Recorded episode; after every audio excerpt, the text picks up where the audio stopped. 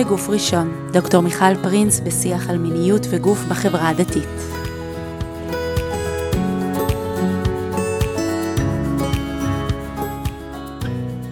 ברוכות וברוכים הבאים לפרק נוסף של הפודקאסט בגוף ראשון.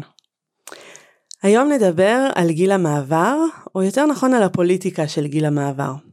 עד כה דיברנו על הרבה מאוד נושאים בפודקאסט, באמת אנחנו ככה עמוק לתוך פרק uh, כבר לדעתי 43. Uh, אה, דיברנו על uh, נוער ודיברנו על מבוגרים ודיברנו על הלכה ודיברנו על גוף וכמובן דיברנו על מיניות. והקדשנו פרק אחד עד כה לגיל המעבר, והיום אני רוצה להרחיב את העיסוק על הגיל הזה, וכבר נברר לעומק מה זה אומר ההרחבה הזאת. בשביל לדבר על זה הזמנתי לפה את דוקטור חנה פנחסי, שלום חנה. שלום מיכל. חנה היא אקטיביסטית, היא חוקרת ומנהלת תוכניות במכון הרטמן, ואני אגיד גם חברה טובה. אני רוצה שנתחיל בשאלה של, ה... של הכותרת. גם, בואו נפרק את זה רגע. מה זאת אומרת פוליטיקה ומה זאת אומרת גיל המעבר? שאלות מצוינות. אז קודם כל כשאת אמרתי את המילה פוליטיקה, יש לי הרגשה שהתאדו לנו שליש מהמאזינים, בגלל שהמילה פוליטיקה היא טעונה, אה, והיא טעונה באיזה מין משהו שלא טוב עם גוף ועם נשיות, ובטח לא עם מיניות. אבל כש, כשאני אומרת אה, פוליטיקה, אני מתכוונת לאופן שבו הסדר החברתי יכתיב את האופן שאני ארגיש עם הגוף שלי. אז המילה גיל המעבר היא בעצם הסדר החברתי שאנחנו מגדירים את השלב שאני נמצאת פה בחיים, וזה קצת מעלה בי חיוך, בגלל שגיל המעבר הוא, אה, יש גיל שהוא לא גיל המעבר, יש לי נכדה בת שנה, היא לגמרי בגיל המעבר, ויש לי ילד בן 31 שהוא בגיל המעבר, ואני לגמרי בגיל המעבר, גם אבא שלי, שהוא בן 90, הוא לגמרי בגיל המעבר. אז מתי זה, אה, למה בחרנו להגדיר תקופה מסוימת בגיל של נשים שאחרי גיל הפוריות שהוא גיל מעבר? מה אנחנו רוצים להגיד על מה ישנו ומה איננו, מה חשוב ומה לא חשוב. וגם אני רוצה שנשים רגע לב ונגיד שגיל המעבר מתייחס קודם כל לאיזשהו פיזיולוג, לאיזה פרט מסוים בהיבט של החיים שלנו. ש, שזה, שכבר את אומרת, בואי לא נדבר על גלי חום ו... או שכן נדבר אפשר עליהם. אפשר לדבר על גלי חום ועל זה ש... ואפשר לדבר על בעיות שינה ואפשר לדבר על דכדוך ואפשר לדבר על uh, יובש בנרתיק אפשר לדבר על כל מיני תופעות שלחלק מהאנשים יש אבל גיל אה, הוא כל כך הרבה יותר דברים מזה, זה מנח בנפש, זה מצב בחיים, זה מצב משפחתי, זה מצב סוציולוגי, זה המון המון דברים אה, נוספים שמרכיבים בסופו של דבר את החוויה של להיות בגיל, לא יודעת מה, 40 ומשהו, 50 ומשהו, 60 ומשהו. אני רוצה להגיד שהגיל המעבר זה כבר אה, תיקון לבלוט, אוקיי, הגיל של הבלוט. נכון, אוקיי? אנחנו כבר ו... לא אומרים את זה כי החלטנו זה... שזה מעליב. שזה מעליב, נכון, אחרי בלותי הייתה לי עדנה, אוקיי? בואו נסמן את אה, שרה אימנו אה, כמי שאומרת משהו על, ש, שהיא רפלקטיבית לגבי הנשיות שלה, אה, ויכול להיות שלשאלה שבין הבלוט לבין העדנה, והמתח הזה ש, שנמצא שם, זאת חוויית חיים שבעצם אה, נמצאת שם, הייתי אומרת, אה, אה, כל הזמן. אני אגיד ש... אה, הייתי אומרת כותרת הזאת אה, מול גיל המעבר אפשר לשים את הכותרת הגדולה של anti-aging. Anti-aging זה כאילו כל כך מופרך ומצחיק כשחושבים על זה נכון הדבר שאי אפשר לשלוט בו ברוך השם אה, אנחנו קוראים לו anti-aging ואני רוצה לומר שגיל המעבר הוא דבר שמובהק לנשים אה, והוא מובהק בעצם לא רק בגלל הביולוגיה אלא שעצם המבט אל הביולוגיה הוא המעשה הפוליטי, אוקיי? הסתבכתי, את צריכה להסביר לי ממש.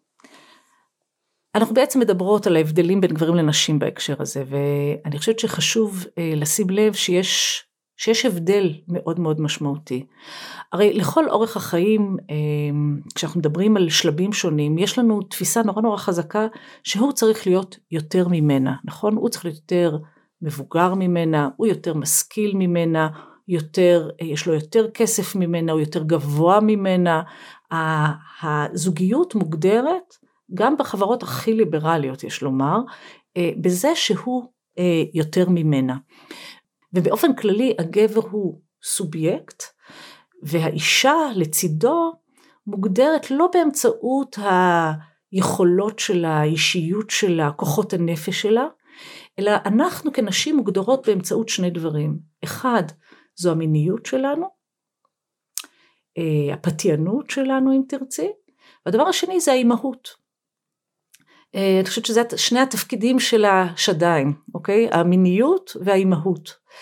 אה, ושהתפקידים הזה לפעמים סותרים ולפעמים נמצאים בהשלמה, אבל אלה הערוצים שנשים תופסות את עצמן והחברה תופסת אותן. ולמה זה כל כך חשוב?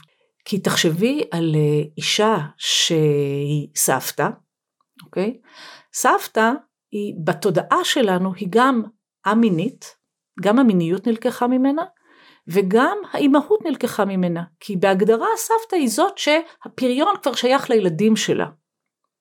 עכשיו כשאנחנו שואלות את עצמנו על מה בנויה כל הקוסמטיקה העולמית, זה על הידיעה שנשים מרגישות ששני הנכסים שיש להם, האימהות והמיניות נלקחת מהם, ואז כאילו נגיד את זה, נמשך השטיח מתחת היכולת שלי לעמוד איתנה בעולם.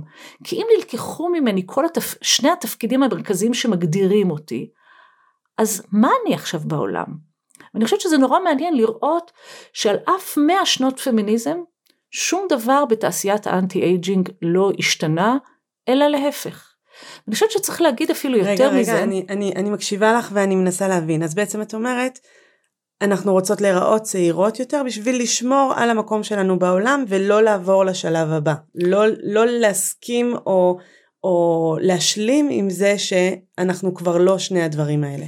כי השלב הבא אומר איזה סוג של אובדן שאני עכשיו המשגתי אותו, אבל נשים מרגישות אותו מאוד מאוד חזק במבט של העולם עלינו, ואז כשאני מרגישה שאין, שהתפקידים נלקחו ממני, אז מה נשאר לי? עכשיו, בנוסף לזה, קחי בחשבון שכשאנחנו חושבות על אה, גברים, אה, גברים שהגיל שלהם הולך ועולה, המניות שלהם ילכו ויעלו. גבר בן, לא יודעת מה, 50-60, יכול לצאת עם בחורה בת 40. ולהפך זה לא עובד. נשים, ככל שהגיל שלהם עולה, המניות שלהם בשוק אה, בשוק שהוא העולם, המניות שלהן ילכו וירדו. והעובדה הזאת תניע את כולנו לעשות המון מעשים שימקמו אותנו בעולם הרבה יותר צעירות ממה שאנחנו. איך זה קשור לגוף ולמיניות? תשאלי אותי מה זה קשור לפודקאסט הזה? זה קשור לעובדה שאם אני כך מסתובבת בעולם בגיל שלי, זה אומר שהחוויה, שאין לי מקום.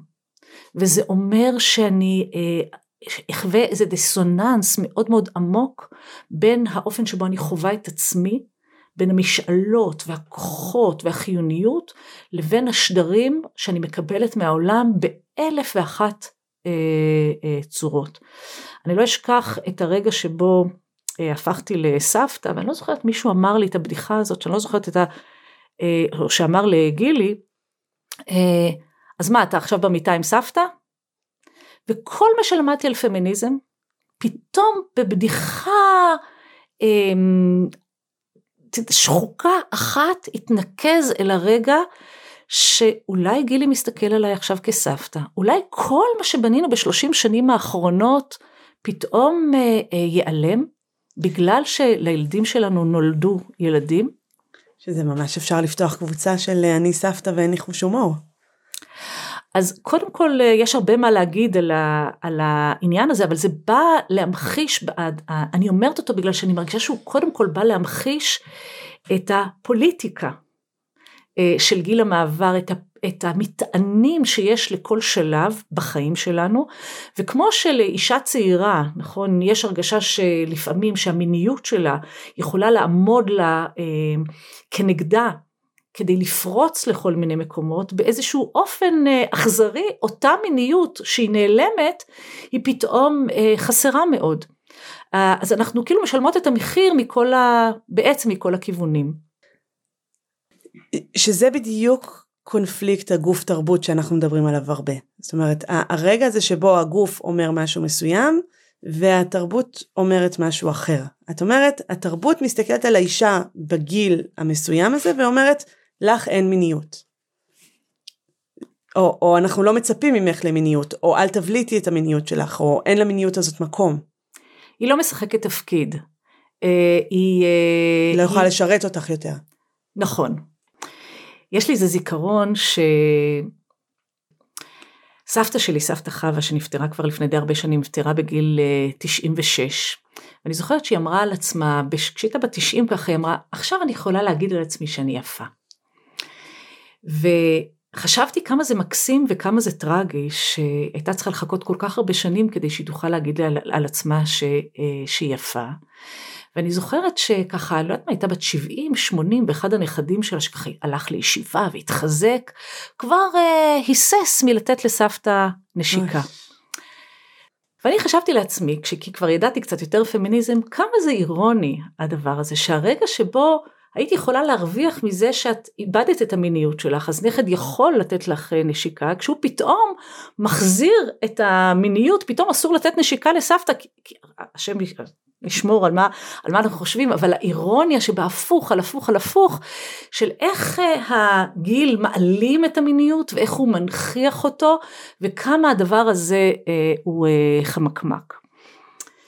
מה שמעניין, ואני שוב חוזרת לפתיחה, שכשאומרים לנו גיל המעבר, אנחנו ישר, חושבות גוף, אנחנו חושבות על קריטריונים או על אה, סעיפים במאמר אה, העצות של מה תעשי בגיל הזה כשקורה לך בגוף 1, 2, 3.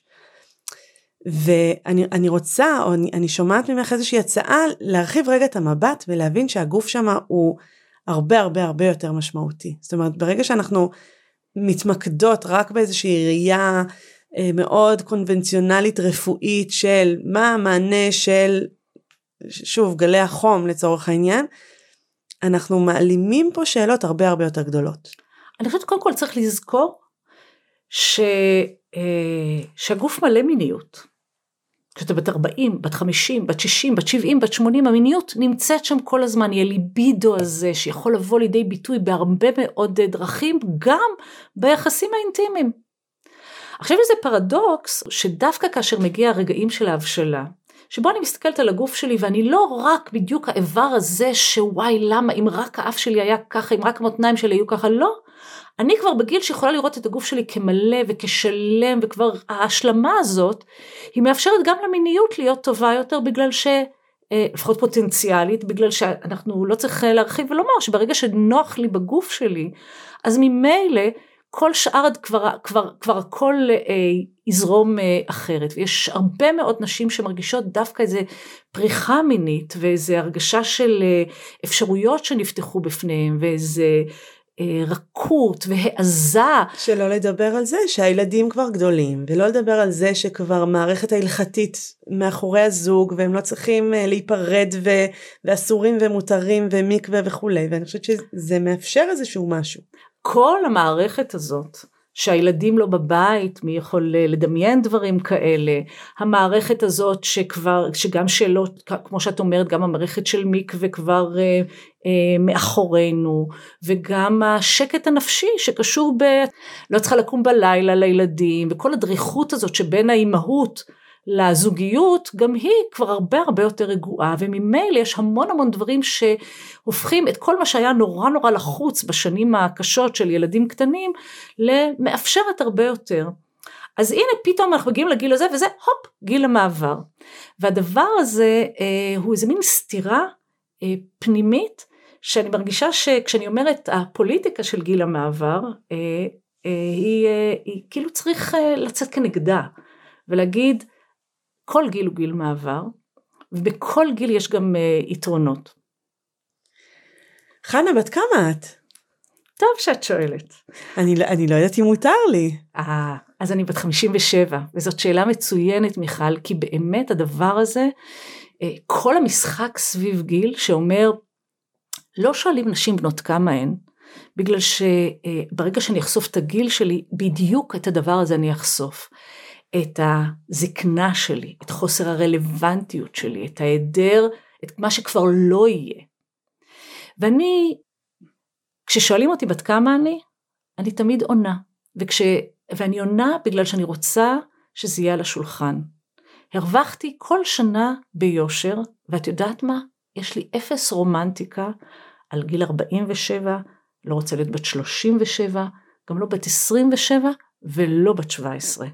לא שוכחת מה היה שם. אני זוכרת את הדברים הטובים, אבל אני גם זוכרת את כל הדברים, את המצוקות, שאני ברוך השם היום משוחררת מהם. ולכן להיות בגיל שלי ולהגיד, הנה, זה הגיל שלי, זה חלק מה, מהאופן שבו אני חושבת שנשים צריכות להיות בעולם. עכשיו אני רוצה להגיד את זה נורא נורא ברור, זה לא, אני לא, אני לא שופטת אישה שלא תגיד בת כמה היא, בגלל שאנחנו חיות בעולם שאת תשלמי מחיר כבד. ואם uh, את uh, בלי בן זוג ואת צריכה לתחמן בעניין הזה כי ראינו שיש המניות שלך עולות ויורדות וכולי, יכול להיות שכדאי להעלים את הדברים האלה. אבל באופן כללי, כשאני חושבת על שאלה של גיל, בת כמה אני, זה, הש, זה השנים שהרווחתי אותם ביושר. ושאני מגיעה הנה, לכאן ועכשיו, עם כל התבונה והניסיון וההבשלה שנתן לי הגיל. זה מאוד מעניין מה שאמרת עכשיו, כי את אומרת, אני אומרת את הגיל שלי. ואת אומרת, יש, יש בזה גם אה, אמירה בזה שאת אומרת את הגיל שלך, ואת אומרת, אני שלמה עם הגיל הזה, ואני נמצאת במקום שעשיתי דרך, ו, ואני גאה בדרך הזאת. ומצד שני, את אומרת, יש נשים שלא יכולות להיות בהלימה עם הגיל שלהן, או שהן צריכות להסתיר, או שיש לזה מחיר מאוד מאוד גבוה. ו- ושם אני מרגישה את הפוליטיקה. זאת אומרת, לך יש משהו שלנשים אחרות, אני אומרת את זה באהבה גדולה, שלנשים אחרות אין אותו. נכון. בואי רגע נדבר על זה. את צריכה להגיד את זה נורא ברור. אני פריבילגית. אני נשואה, יש לי ילדים, יש לי דוקטורט, אני מסודרת, אני מסודרת כלכלית, ברוך השם, אמ, יש לי עבודה, יש לי בצ'קליסט, אני, אני, אני ברוך השם בסדר. וכיוון שכך, אני יכולה להרשות לעצמי להגיד בת כמה אני. אני דרך אגב באותו אופן גם יכולה להרשות לעצמי להגיד שאני פמיניסטית, שאני לא אשלם על זה מחיר כבד מדי, לכן אני גם יכולה להגיד שאני בת 57. ואני אומרת את זה בגלל שאני יודעת שנשים אחרות לא יכולות להגיד את זה, ואני גם לא תובעת מהן להגיד את זה, כי אני מבינה שרק חלק מאיתנו יש להם את היכולת להגיד את הדבר הזה בלי לשלם מחיר כבד מדי. כשאנחנו חוזרות למילה פוליטיקה, אני אומרת חשוב שמי שיכולה תגיד, כדי שהאופציה הזאת תהיה בעולם. ומי שלא יכולה, שתהיה איפה שנוח לה. אבל התיקון, הפריבילגיות הזאת, מחייבת אותי לקחת אחריות ולעשות מעשה. ובשבילי, להגיד אני בת 57, בידיעה שיהיה לדבר הזה גם אה, מחיר, זה דבר שהוא אה, נכון בעיניי לעשות. וזה גם מעלה לי את השאלה, האם להגיד היום 57 זה לא מאיים כמו שזה היה נניח במרכאות איום לפני איקס שנים. זאת אומרת היום 57 זה ה-40 החדש. זאת אומרת הסבתא של היום היא לא הסבתא של פעם. זאת אומרת את הסבתא של היום את לא תציירי עם אה, מסריגה ביד על כיסא נדנדה, הסבתא של היום היא, היא אישה עובדת, אין לה זמן לעשות בייביסיטר על הילדים, היא, רצה מדבר לדבר, מקונצרט להרצאה, היא, היא, היא, היא חיה את החיים. אז קודם כל צריך להגיד שלנרטיבים, לסבתא שיושבת על כיסא נדנדה עם מטפחת שקשורה לה מתחת לסנטר וסורגת, אה, היא נשארת בעולם הרבה הרבה אחרי שהיא נעלמה מהמציאות. זה קודם כל צריך להגיד, וזה נורא מעניין איזה כוח יש לנרטיבים. זה דבר אחד. אה, ודבר שני, אני לא חושבת ש-57 זה 40 החדש, באמת. אה, כשאני חושבת, אה, נגיד אם אני אתמודד על מקום עבודה, או אם, או כאשר אני פוגשת נגיד את החברים של הילדים שלי, או שאני עומדת מול קולגות בעבודה שהם צעירים ממני, אני מרגישה מאוד מאוד חזק את הפערים בינינו. והפערים האלה נוכחים אה, לפעמים הם פועלים לטובתי ולפעמים הם פועלים לרעתי. וה... כך ש... ככה, נגיד את זה, לצייר את התמונה כאילו זה כבר איננו, וכאילו זה לא באמת רלוונטי, זה לא באמת אה, נכון. אני חושבת שעוד ביטוי של זה, זה, זה הנושא של השיער. אני חושבת שאצל גברים, אני חושבת שרוב הגברים לא יטרחו להסתיר את שיער, השיבה שלהם. זה גם מעניין להגיד שיער שיבה כש, כשאת רואה חבר'ה בני 25-30 שכבר יש להם את הניצים הלבנים בשיער. אבל נקרא לזה עכשיו שיער אה, שיבה. נשים יש עבודה מאוד מאוד מאוד קשה אה, להסתיר את זה ולצבוע ואני ממש זוכרת אני זוכרת שכשהייתי באולפנה ונורא רצינו להיות נשואות ועם כיסוי ראש אמרתי הנה זה, זאת הדרך לכסות שאף אחד לא ידע בנות כמה אנחנו. לא משנה שמאז כיסוי ראש השתנה ואנחנו חושפות יותר מאשר אה, מה שהיה מקובל אז אבל זה, זה מדהים כי זה העסיק אותי בתור, בתור נערה בת 16. אז בוא נגיד שאת לא במקרה מעלה את הנושא הזה בגלל שהמאזינות ומאזינים אה, אה, אם יעשו גוגל חנה פנחסי אז יראו שהראש שלי כמעט לבן. זה מעניין באנגלית אומרים salt and pepper אוקיי כאילו איזה מין גם איזה מילים כאלה תקניות יותר לשיער השיבה לשיער הלבן. אני לא צובעת, אבל אני לא צובעת, אבל אני, אני לא טהרנית, שאני לא שמה קרמים ולא מתאפרת, אני עושה המון דברים לתחזק, אוקיי, את ה anti-aging הזה. אבל הסיפור עם השיער הוא נורא מעניין, בגלל שאני לא צובעת סתם מעצלנות. אמ, וגיליתי עם הזמן, שקודם כל זה, זה מושך המון תשומת לב, את לא צובעת, כל הכבוד, איזה יופי, כאילו, איזה מעשה אה, גבורה אה, עשיתי. כל הכבוד על העצלנות. איפה עוד יש לנו כזה דבר? אמ, אבל מה שעוד יותר מעניין עם זה שעם הזמן גיליתי שמביטים בי, ואז יש איזה מין מבט כזה שמביט אל הלבן, אה, כאילו, הלבן של השערות, כאילו איזה מין כתר של הדר שיש לי על הראש. עכשיו בחייאת, כולה שערות, זה צבע כזה או אחר. אבל פתאום הבנתי שעשיתי איזה מין עסקה כזאת. במקום להיראות צעירה יותר עם שיער כהה כמו שהיה לי, אה, ואני נראית בגילי, אבל עם ההדר של הזקנה. ואז נשים אומרות לי, עלייך, אצלך זה יפה. ואני אומרת, תגידי, ניסית פעם? לא, לא, לא, לא, לא, לא.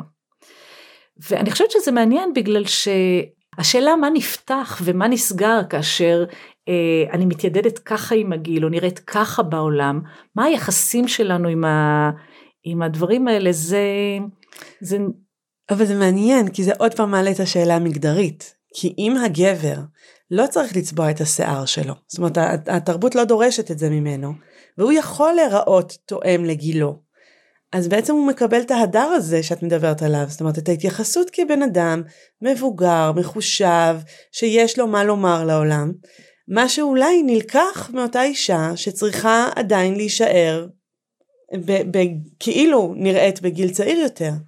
זה לגמרי ככה, גם אה, צריך להגיד, את יודעת שכשאנחנו חושבים למשל למונח איש משפחה, אז אנחנו מדמיינים איזה מישהו שיש לו גם עבודה והוא גם במשפחה, כל הכבוד לו, זה מונח הרמוני. אבל כשאנחנו אומרים, היא אשת קריירה, יש לנו הרגשה של קונפליקט, אוקיי? אני נותנת את הדוגמה הזאת בגלל שאני חושבת שהדבר הזה נכון בכל המרחבים, האופן שבו אנחנו תופסים גברים והאופן שבו כחברה אנחנו תופסים נשים, היא אחרת לגמרי, והתהליך אה, כאן של תיקון הוא ארוך, ארוך, ארוך, אני באמת חושבת ש... אמ, עד 120 שלי אני לא אזכה לראות תיקון אה, מלא שלו, אבל יחד עם זה אני, אנחנו זוכות לחיות בדור שמתאפשרים דברים שהסבתות שלנו לא היו יכולות בכלל אה, לדמיין. אני, אני, אני אשאל, אני, אני רוצה להמשיך את מה שאמרת לגבי השאלה הבין דורית, זאת אומרת דיברת על הסבתות ואני רוצה שתתייחסי לדור הצעיר יותר, שאת גם מלווה ואת חברה ואת אימא לנשים צעירות. ולפני כן, אני עדיין תקועה על, ה, על השאלה של הכותרת, על הגיל המעבר הזה. כי אם אנחנו בגיל המעבר, אני מקבלת את, ה, את הדיוק הזה של גיל המעבר, זה תמיד אנחנו בגיל המעבר. אבל עדיין, ה, המעשה הפוליטי, הסוציולוגיה שלנו, כן מתייחסת לגיל מסוים, או למעבר מאוד מאוד ספציפי, ואחר כך יש לנו איזשהו גיל שאין לו שם, או שאנחנו חוששים לתת לו שם. אנחנו התחלנו להגיד הגיל השלישי, אנחנו, אני גם קודם אמרתי שיער שיבה, אמרתי ככה נורא בדחילו ורחימו, אה, זקנה, זאת אומרת, יש שם איזשהו משהו שעדיין לא, לא, לא נתנו לו מקום, ואולי אני ככה במחשבה שלי, הוא גם משהו חדש בעולם. זאת אומרת, פעם מי שהגיע לגיל 50 ו-60 ו-70 כבר היה זקן בעולם. והיום מי שנמצא בגיל 50, 60, 70 ו-80 עדיין הוא, הוא, הוא, הוא זקן אולי, אבל לא זקן מבחינת הנה כבר רואה את הסוף. אז קודם כל, את יודעת, יש אנשים שרואים את הסוף מהרגע שהם נולדים. זה נכון. החוויה הקיומית של לראות את הסוף, שוב, זה מין משהו שמשליך על ה... שאנחנו משליכים אותו על, אה, על זקנים, אבל גם המחשבה שהמילה זקנים היא מילה רעה, אוקיי, יש ב, ככה בסן סימון מקום שקוראים לו מושב זקנים, ככה כשהייתי ילדה, ככה היו קוראים למקומות האלה. היום תגיד דיגור מוגן, בית הורים, כדי לא להגיד בית אבות ואימהות אה, וכן הלאה. כל, כל העטיפה הזאת היא שאלה שקשורה בהתמודדות שלנו עם עולם אה, שמקדש את הנעורים. ו... אני חוזרת אל העניין הזה. אני, יש לכל גיל איכויות משלו, ואני מרגישה שלגיל הזה, אה, שאני מתחילה אותו, אה, ושהוא בטח עוד ישתנה מיליון פעם, אה, יש לו איכויות מיוחדות ביותר. אני חושבת שמה שיש לי היום שלא היה לי פעם, זה איזה סוג של נדיבות. אני פחות בתחרות. אני מרגישה שכשאני עומדת מול נשים צעירות ממני, כמוך למשל, אני רוצה כמה שאני יכולה לאפשר לך לגדול ולתת לך מהניסיון שלי, שלא שיכאב לך פחות, שיהיה יותר קל, אה, לתת הקשר, לתת המשגה, להיות שם, וזה לא על חשבוני, זה לא על חשבוני.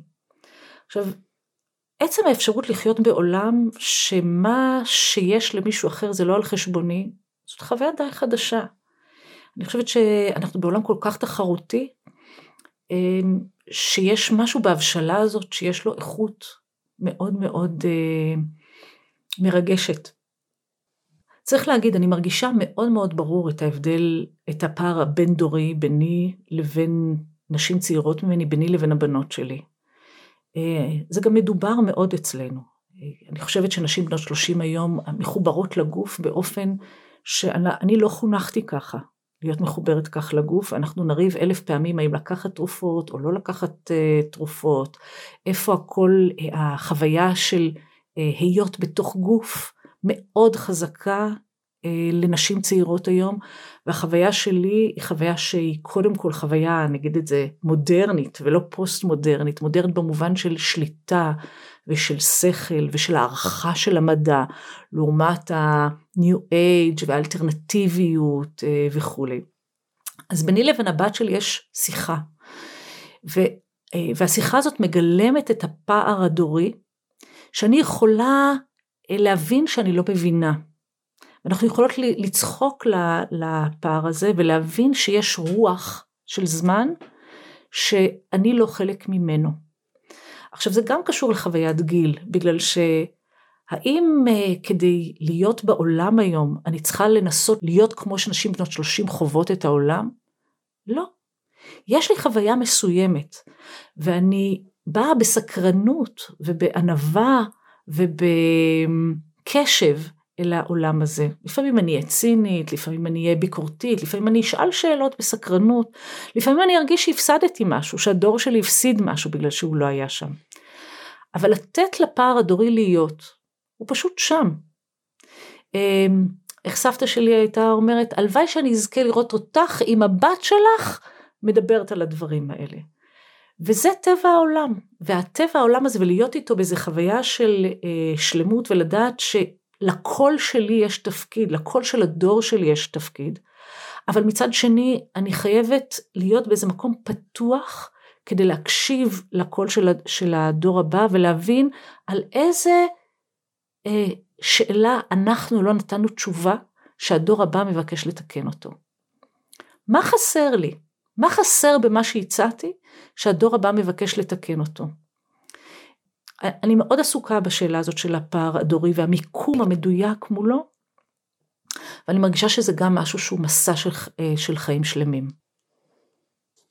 אני שומעת אותך ויש בי משהו שנרגע. יש בי משהו שאומר, קודם כל, שלא כל החיים נהיה במרוץ הזה, אז איזה כיף לך. וגם יש משהו שבאמת ש, שלכל אחד יש תפקיד.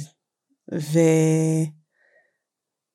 ואני אומרת, עם כל זה שאת אומרת, אני עכשיו יושבת באיזה נחת ובאיזושהי השלמה, את עושה לי פרצוף שלא ממש. לא, ש, שזה לא שאין לי אמביציות, וזה לא שאני כן. ככה באטרף על, ה, על דברים שאני רוצה לעשות, זה לא שכאילו אני נמצאת באיזה עולם של אה, את, התבוננות כזאת את לא, מבחוץ, את לא אני בק... חיה חיים את, אה, מלאים ואינטנסיביים. את, את לא בכיסא נדנדה לא. ומתבוננת על הנכדים שמסתכלים על ה... שמשחקים ככה לרגלייך. גם. גם, גם. בטח. אבל אהבתי את איך שאת מניחה את זה שבאמת יש פה משימה וצריך רגע להבין מה המשימה של, של דור או של שלב בחיים. אז גם זה אני רוצה להגיד בהקשר הזה שגם כאן מיכל אני חושבת שאני קצת פריבילגית. פריבילגית שוב אה, שהשקט הזה אה, להגיד שהגענו כמו שאומר אה, עידן רייכל הוא גם אה, מסע ארוך. דיברתי לפני כמה זמן עם חברה שלא אה, ראיתי אותה הרבה זמן והיא סיפרה שהיא אמרה עשיתי טריאטלון אבל עוד לא איירון מן. וכשהיא אמרה את זה אז הרגשתי שבעצם יש אפשרות להיות, להישאר בתחרות כל החיים. אפשר כל החיים להרגיש ש... אה, שאני עוד לא עשיתי איירון מן. אפשר להגיד שאני רצתי 20 דקות על מסילה בקצב הליכה מהירה ואני מאושרת שהצלחתי. היכולת להיות במקום הזה אה, זאת מתנה דרך אגב שאני מרגישה שאני נותנת אותה לא רק לעצמי אלא גם כאן אני מסמנת לילדים שלי את מה שיכול להיות. אה, וה... ושזאת גם הבנה, תובנה מאוד מאוד חשובה. ואני חוזרת לגוף, כי, כי הגוף שזור פה נורא נורא נורא בעדינות. ואני זוכרת שאחד הפוסטים בפייסבוק שאני חושבת שהכי השאירו עליי רושם זה מישהי שכתבה אה, כאילו איזה אבלה היא שהיא לא, לא אהבה את הגוף שלה בגיל 20 ובגיל 30 ובגיל 40. ו... ואת אומרת משהו אחר. את אומרת, דווקא עכשיו אני אוהבת, דווקא עכשיו נוח לי, דווקא עכשיו שאני שומטת אולי את התחרות, אולי את ה... את ה אה, לא משימות, את, ה, את הדרישות החברתיות, דווקא עכשיו אני יכולה לאהוב יותר. קודם כל אני מרגישה שגם לומר איזה טיפשה הייתי, חבל על הזמן. יש לי הרבה חמלה על עצמי, על איך שהייתי, על הבזבוז אנרגיה, על שטויות, אבל אני זוכרת גם למה. ואני זוכרת אפרופו שיחתנו גם את הפוליטיקה של זה. את הידיעה שהעולם מביט עליי ככה וחשוב לי לדפוק לו חשבון. אז בלי רומנטיקה מיכל, את אני נזכרת בשיר של אגי משעול שחברת נפש שלי אה, שלחה לי ושקוראים לו אומץ, ותראי תכף למה אני אומרת על בלי רומנטיקה. הוא אומר ככה, כשהיינו ילדות עמדנו מצחקקות סביב צואה של כלב, מתחרות באומץ לנגוע. עכשיו אנחנו עושות את זה עם המילה זקנה. אז ה... לגעת ככה בדבר הזה, בזקנה הזאת, בפיזיות שלה, בחוסר האונים שלה, בכל מה שהיא אומרת, במובן הזה, אמ, כל גיל כל גיל הוא גיל מעבר, בכל גיל יש גם את המועקות שלו, גם את החדשקונים וגם את התשוקה, גם את הילדים הקטנים וגם את, ה, אה, את הנעורים, גם וכולי, גם וגם את כל המקומות ישנם, ובגילאים אה, האלה, ובעזרת השם אה, עד 120, יש את ההבשלה יחד עם חרדת הזקנה והמוות, גם בצדדים הגופניים שלה, אבל גם בצדדים החברתיים, והמשפחתיים, והרגשיים, וכולי. זה מעניין, כי גם בהכנה לפרק וגם עכשיו, אני מרגישה שזה כמו, כמו פרקים אחרים של, שדיברנו על, על נושאים שאין להם מילים. ואני מרגישה שנתת לי פה עוד, עוד כמה מילים, אה, אבל עדיין אני מרגישה ש, שנשאר פה הרבה זה. ו, וזה מעניין, זה מעניין כי, כי אני, אני לא חושבת, שוב, כשדיברנו על, על הפוליטיקה של זה, זאת אומרת, בכלל, מה המטרה של הפרק הזה, מה המטרה של השיחה שלנו, זה בעצם עוד פעם להציף ולהעלות ו, ורגע להיות מודעות לזה שקורה פה איזשהו משהו, עבור הרבה אנשים זה משהו מאוד ממשי שקורה, זה משהו שקורה להם כאן ועכשיו, ו, וכחברה, מה המשמעות של איך שאנחנו מתנהגים ואיך שאנחנו מתייחסים ולמה אנחנו נותנים מילים ולמה אנחנו לא נותנים מילים ולמה נותנים מקום ולמה לא נותנים מקום. אני רוצה שנסיים בעוד דיון אחד ואני חושבת שגם שם אין לנו הרבה מילים. אה, התחלתי בלהגיד שכל העיסוק גם בפודקאסט הזה הוא, הוא הרבה מאוד באיך לדבר על מיניות בגיל הנעורים ומה לעשות אה, בגילאים יותר מבוגרים וכל ההתעסקויות שלנו בהמון המון המון דילמות. אה, המון סוגיות ש, שמעסיקות את החברה הדתית והחברה הכללית ו... ואז מגיע איזשהו שלב, ופתאום יש ואקום. פתאום לא מדברים עליו. כשמדברים על מיניות, זה כאילו עוצר באיזשהו רגע שבו, דיברת על הפוריות, כן? ברגע שבו, זהו, כשאישה לא פוריה, או מפסיקה לקחת אמצעי מניעה, או, אה, זאת אומרת, מגיע גיל המעבר בסופו של דבר, וכאילו משהו שם מת בשיח, לא במיניות. ואני יכולה לשתף שבחודשים האחרונים אני מקבלת המון המון פניות באופן לא פרופורציונלי לשנים קודמות של זוגות בגילאים האלה. ואני חייבת להגיד שבפעמים הראשונות שהגיעו זוגות שבאמת גם מבוגרים ממני ואמרתי מה אני אמורה להגיד להם מה אני אמורה לעשות איתם מה מי הם מה, מה המצוקות שלהם. ואני משתפת כאן שלרוב זה אותו סיפור. ולרוב, זה נכון, יש את הניואנסים של גיל, של בריאות, של, של ילדים בבית, כן או לא, של, של דור, איפה גדלנו ומה שמענו מההורים שלנו, אבל בסופו של דבר יש פה אותו, אותו סיפור חברתי של מיניות גברית, מיניות נשית, איך זה נפגש, מה קרה שם לאורך השנים. ואני רוצה רגע שעוד ניתן לזה עוד כמה, כמה מילים. כי יש, יש לסיפור המיני של הגיל הזה, אה, הוא, הוא נהדר, מלשון היעדרות במרחב. אז אני רוצה להגיד על זה שני דברים. אחד, שיש מנעד עצום אצל נשים. שמצד אחד יש איזה מין ירידה של הליבידו, מדברים על יובש בנרתיק, על דכדוך, על קושי, שנ... קשיים בשינה, כל מיני דברים שגם משפיעים כמובן על, על תשוקה. מצד שני יש המון נשים שיש, שזה, שהדברים האלה פורחים, וכמו שאמרנו יש הביטחון העצמי. וצריך להוסיף עוד משהו, שמי שיה, שנמצאת אה, ביחסים קרובים של הרבה מאוד שנים, אה, יש פוטנציאל לאינטימיות שלא הייתה אף פעם. אני מסכימה עם זה. אני רוצה להגיד משהו על אינטימיות. אני זוכרת שהבן שלי שאל אותי פעם, אמא תגידי לא נמאס לך מאבא? אמרתי לו תגיד נמאס לך מהיד שלך? אה, זה מה שאמרתי לו מיד, ואז חשבתי לעצמי לפעמים כן נמאס לי, ולא אמרתי לו.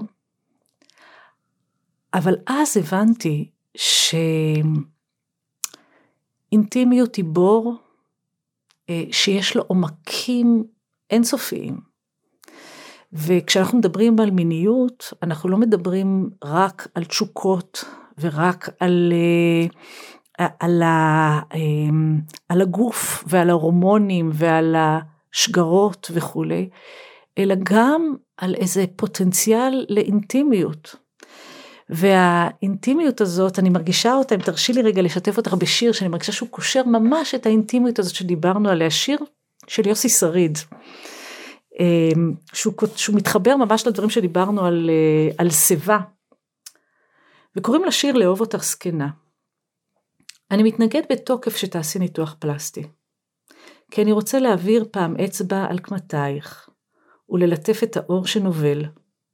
כבר אין לי סבלנות לחכות לבלוט שמתמהמת, להזדקנות שלעולם לא תדביק את הזדקנותי, וכבר אין לי ביטחון שתהיה לי הזדמנות לאהוב אותך זקנה.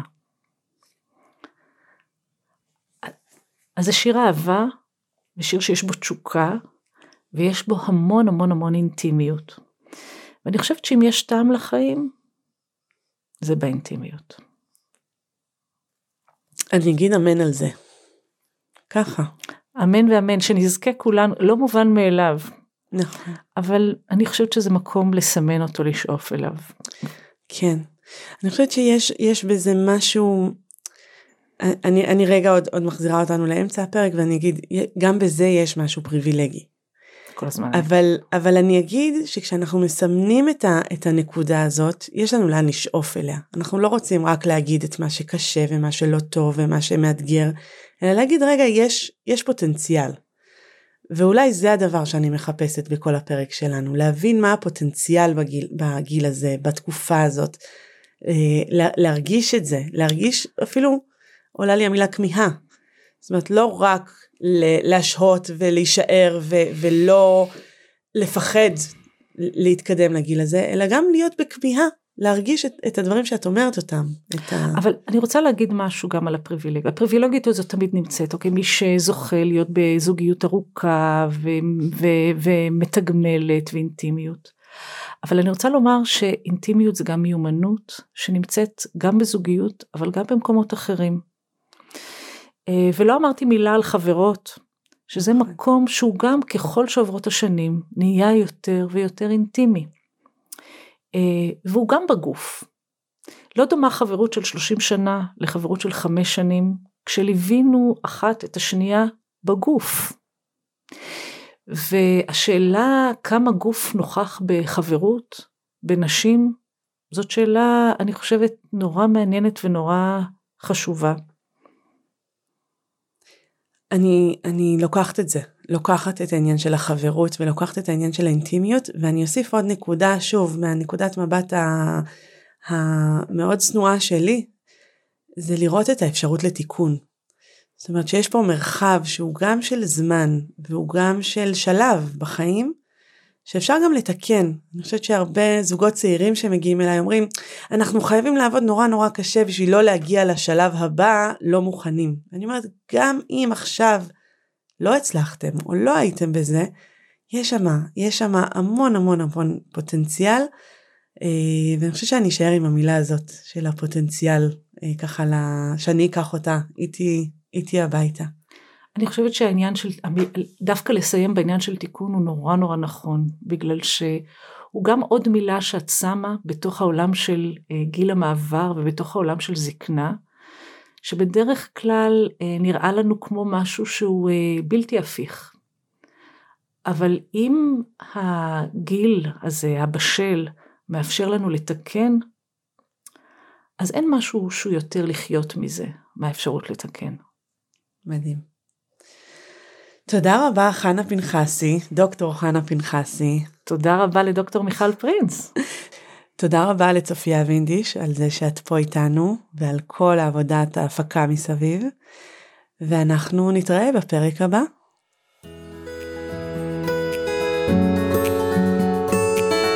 מגוף ראשון, דוקטור מיכל פרינס בשיח על מיניות וגוף בחברה הדתית.